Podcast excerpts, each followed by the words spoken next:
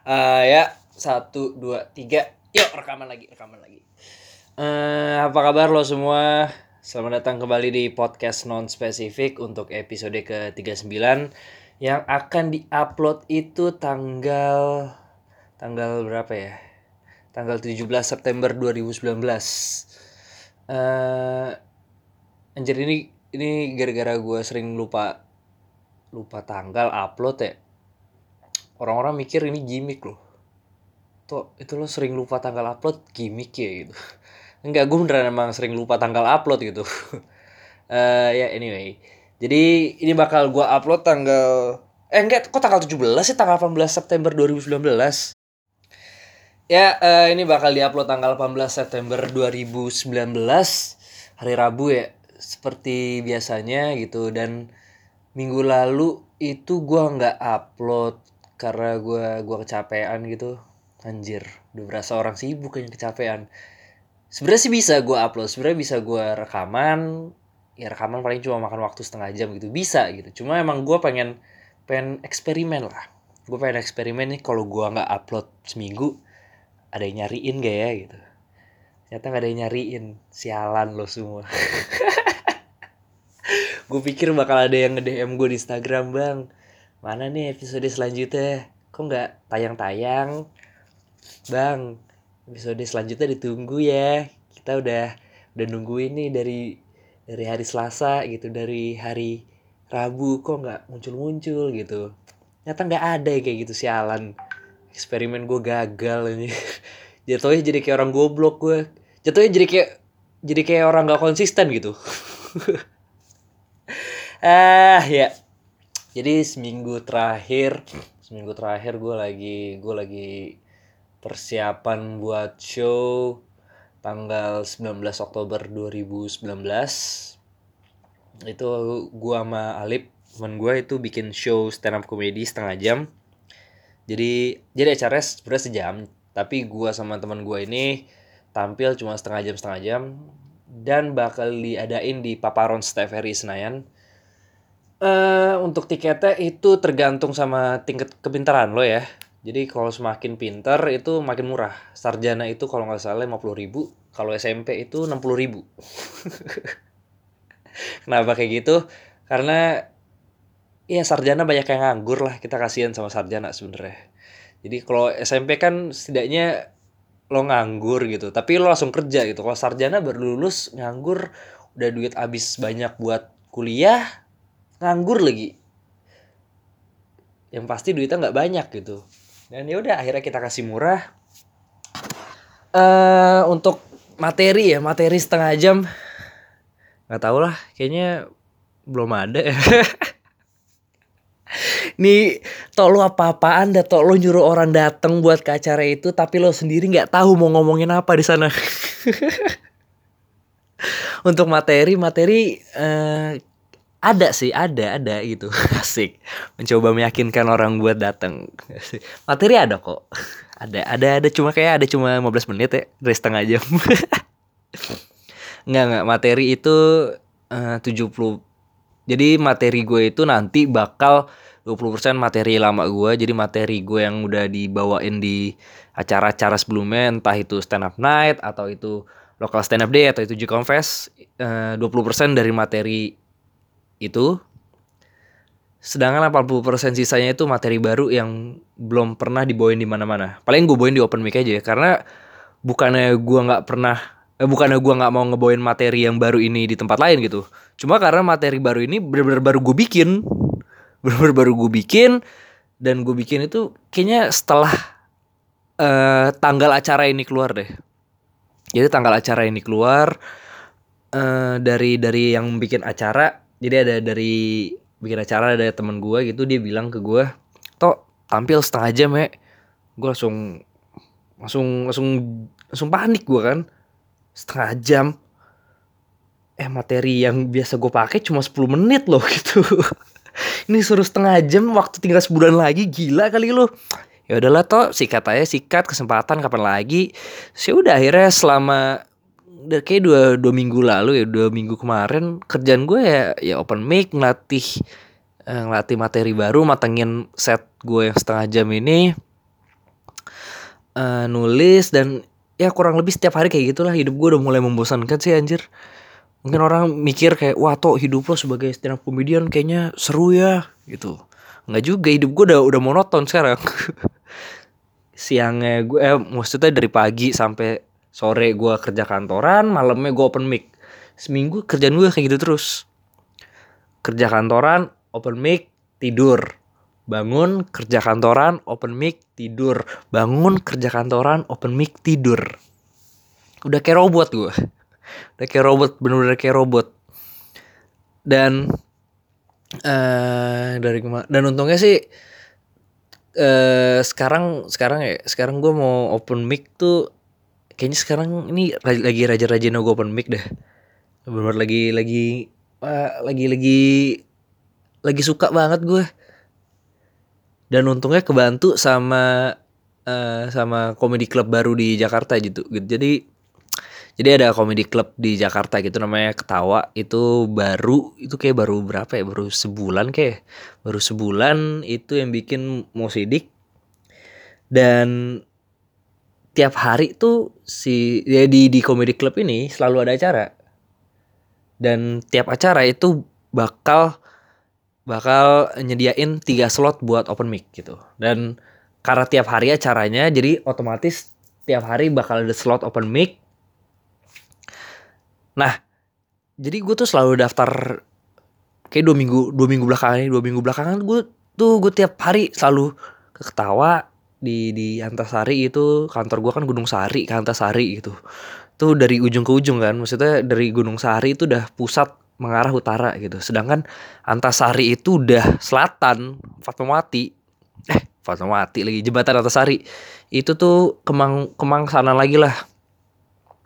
Jadi ya udah kerjaan gue habis kelar habis kelar kantor eh, langsung ke ketawa itu open mic. Dan yang gue suka dari dari tempat ini tuh uh, tempatnya ini tuh on time. Acaranya on time jadi kalau misalkan dibilang open gate jam 7, mulai jam 8, ya udah turutin itu. Open gate jam 7, mulai jam 8, tampil 5 menit, selesai acara jam 10. Nah, itu yang gue suka. Itu yang gue suka, on time gitu. Dan kayaknya open mic open soalnya kalau open mic uh, komunitas ya, open mic di di komunitas misalkan di Jaktim atau di di di Jakarta Pusat gitu itu open mic selalu molor. Molor. Gue juga nggak ngerti kenapa selalu molor gitu. Jadi misalkan dibilangnya iya ini acaranya mulai jam 8 toh gitu baru mulai jam setengah 10 kan kan anjing ya gitu. Gue jadi pulang tuh jam-jam satu gitu.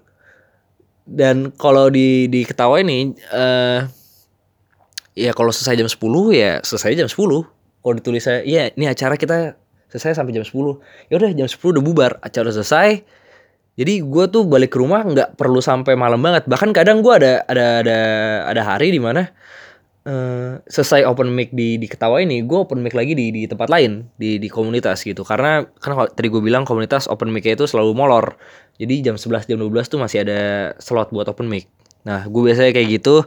Jadi kalau misalkan lo hari uh, weekday lo weekday lagi gabut atau lagi ada kerjaan dan butuh sedikit asupan komedi-komedi dalam diri anda gitu. Walaupun ya lo ketawa sih sebenarnya nggak perlu bayar ya lo ketawa tinggal maksudnya ketawa asli ya bukan ketawa komedi club. Takutnya ntar lo bingung. Gitu jadi ya lo mau ketawa sebenarnya nggak perlu bayar lo bisa nongkrong gitu doang lo bisa uh, lo bisa ya ketawa-tawa biasa. Cuma kalau lo pengen ketawa yang berkualitas asik lo pengen ketawa yang yang ger. Pengen ketawa ger. Bisa datang ke ya komedi klub ketawa. Nanti ketemu ketemu kita ketemu lah kita ngobrol-ngobrol. Kalau yang dengerin ini kalau yang nggak dengerin ya bodo amat lah. Kalau misalkan lo dengerin nggak mau datang sana juga bodo amat. Gue nggak peduli anjir. Iya gue lagi nyiap eh, balik lagi ya tadi ya. Gue lagi nyiapin materi. Dari setengah jam baru jadi 15 menit gitu sebenarnya rada rada takut sih gue gue rada takut Duh, ini materi susah banget buatnya ya Allah. Rada-rada rada jiper sih gue, sejujur ya.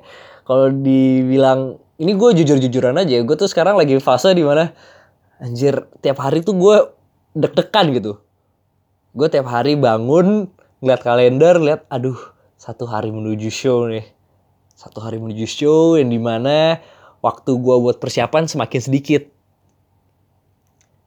jadi ini lagi digeber-geber sih gue bener-bener tiap hari open mic tiap hari nulis materi buset dah tiap hari open mic Wuh, hidup saya sekarang komedi, komedi, komedi.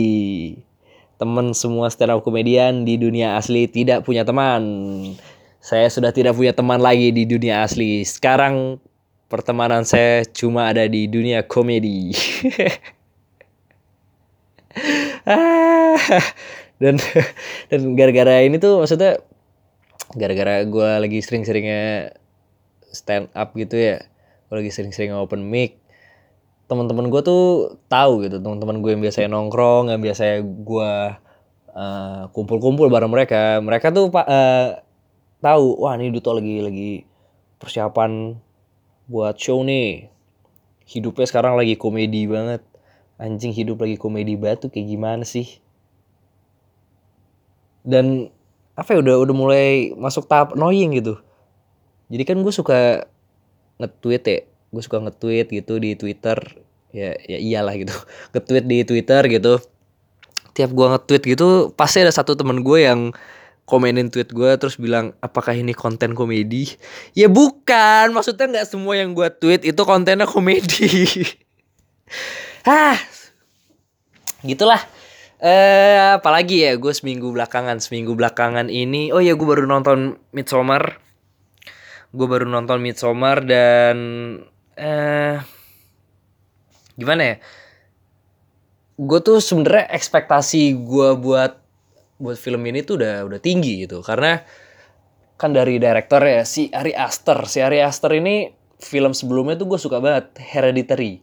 Jadi lo kalau belum kalau lo suka film horor lo nonton Hereditary itu menurut gue salah satu film terserem yang pernah gue tonton tapi nggak ada nggak ada jump scare ya nggak ada hantu tiba-tiba muncul kayak bah! gitu. Nggak ada dan gue tuh suka banget sama sama film ini sama Hereditary ini. Terus uh, kayak baru beberapa minggu lalu uh, si Ari Aster ini direktor eh direkturnya Hereditary ini bikin film namanya Midsommar gitu. Dan gue udah udah punya ekspektasi wah nih nih gue suka film sebelumnya. Harusnya film yang ini gue juga suka dong gitu. Harusnya. Terus kan gue gue tuh anaknya anaknya review banget. Maksudnya anaknya suka baca review gitu.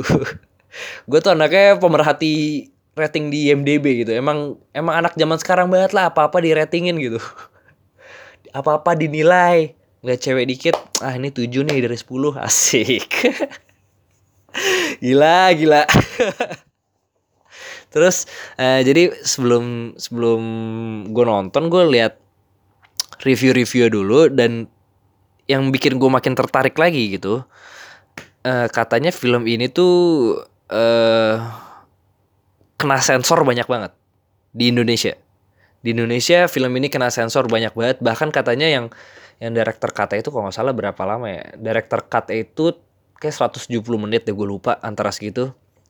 Dan setelah ditayangin di di teater di Indonesia di cut jadi sekitar 130-an menit yang berarti di cut itu sekitar 20-an menit sampai setengah jam gitu. Itu diilangin gitu aja. Karena dianggap terlalu sadis.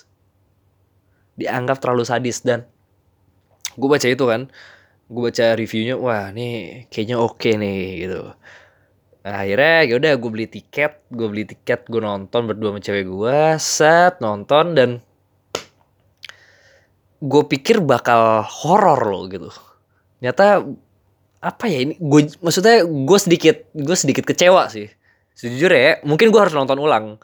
Karena ya mungkin mungkin mungkin gue harus nonton ulang gitu. Karena pengalaman yang gue tonton kemarin yang pertama kali itu gue sedikit kecewa. Yang pertama mungkin karena ekspektasi gue udah tinggi ya. Ekspektasi gue udah ini film horor bakal serem banget gitu. Karena sebelumnya si Ari Aster buat uh, si Ari ya si Ari asik. Akrab banget manggil Ari jadi si Ari. Udah kayak teman komplek tuh nggak? Ari eh bang eh bang Ari bang Ari. Jadi si yang tadi yang Hereditary itu film horor dan gue pikir uh, si Midsommar ini Midsommar ini juga bakal horor banget. Ternyata pas gue tonton nggak ada serem-seremnya loh. Maksudnya ini lebih ke arah film uh, psikologi eh psikologi lebih ke arah film psikologi gitu. Jadi yang dimainin itu emosi apa ya? Apa yang dimainin ya? Gak tau gue gue gue ngeliat di IMDb ratingnya eh, maksudnya genrenya sih horor. Tapi pas gue tonton kok nggak ada horor horornya gitu. Ceritanya tuh tentang ada pokoknya pasangan gitu datang ke ke Swedia. Terus uh, ketemu sama uh, sama sekte. Sekte pokoknya ada sekte di sana di Swedia gitu. Gue nggak tahu itu apakah ada hubungannya sama Ibrahimovic mereka ya. Oke eh, di sekte di Swedia gitu dan semuanya dan sektenya ini emang creepy sih. Creepy bukan dalam artian sektenya ini eh, mereka mereka eh, apa ya gimana nyebutnya ya? jadi sekte itu creepy kenapa enggak gini kenapa bisa gue bilang creepy karena hidup mereka tuh terlalu happy. Lo pernah lihat gak sih orang yang lo ketemu tuh selalu happy, selalu bahagia gitu di sosial media, selalu selalu senyum, di di ketemu asli juga kerjanya senyum-senyum terus. Itu kan creepy gitu. Hidupnya kelihatan terlalu bahagia gitu. Padahal di di ya kita gak tahu aja di baliknya itu bisa aja dia psikopat gitu. Lo tau gak sih orang-orang kayak gitu? Maksudnya ada ada temen gue kayak gitu. Dan itu teman teman SMP gue gitu orangnya tuh kelihatan kelihatan gak ada beban gitu. Ketemu senyum senyum terus. Dan senyumnya tuh senyum yang lebar gitu loh. Dan uh, ya gitulah lo ngerti lah maksud gue gimana. Nah jadi uh, ketemu sekte uh, creepy sektenya terus sektenya baju putih semua gitu. Yang di mana itu mengingatkan gue dengan salah satu ormas di Indonesia ya pakai baju putih semua gitu. Dan makanya di di saat si pemeran utamanya ini di, jadi si, di saat pemeran utamanya ini datang ke sekte itu dan pemeran utamanya ini ketakutan ngeliat orang-orang baju putih ini gue bisa relate itu. Gue bisa relate. Ah gue tahu nih rasanya gimana takut ngeliat orang baju putih. Uh, dan yang bikin gue kecewa ya yang karena tadi mungkin disensor tadi. Jadi yang disensor itu banyak ya dan dan gue rasa ya yang disensor itu adalah scene yang cukup penting. Gue nggak tahu yang disensor itu sebenarnya apa Iya, gue ada tahu beberapa gitu yang disensor sebenarnya karena ada beberapa yang mengarah ke sana. Cuma uh, ada yang bikin ceritanya tuh jadi jadi lompat. Pokoknya lo pas nonton tuh pasti lo sadar, ah ini disensor nih. Ini disensor nih. Dan itu yang ngerusak ceritanya sih. Gue tuh maksudnya gimana ya?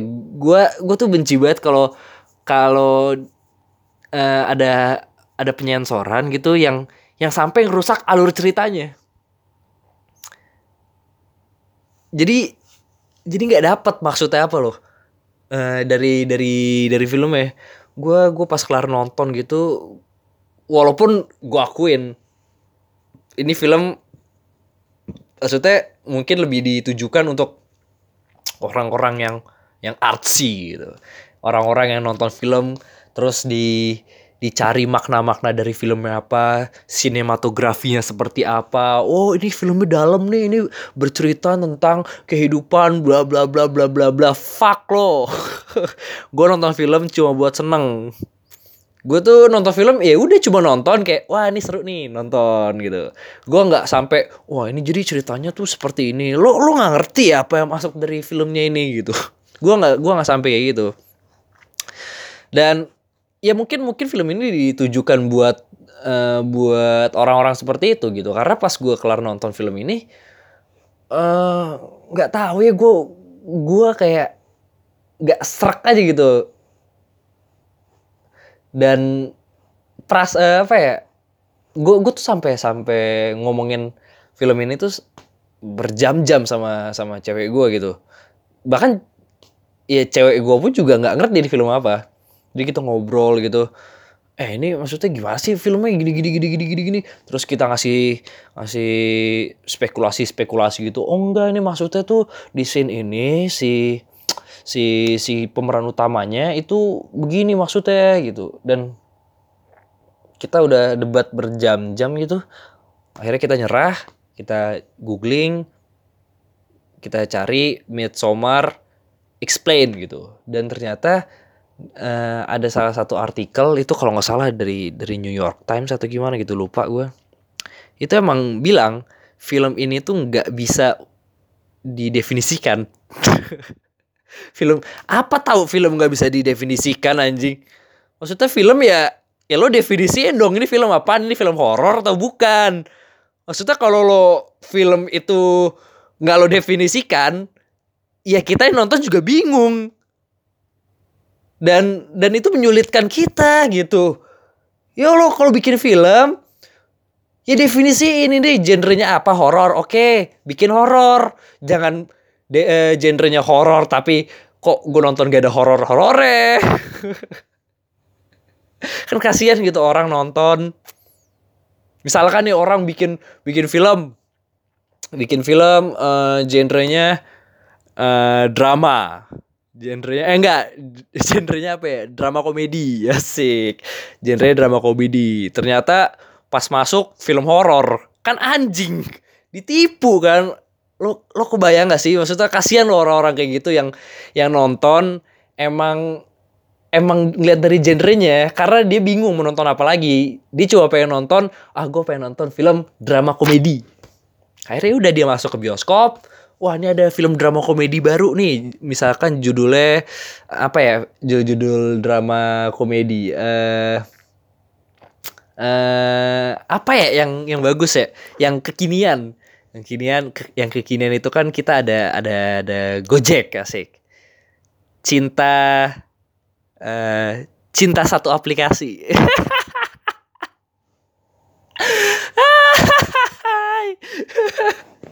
Misalnya gitu. Ada film cinta satu aplikasi asik. Terus ada satu keluarga gitu datang. Wah ini ada eh enggak enggak jangan keluarga jangan keluarga.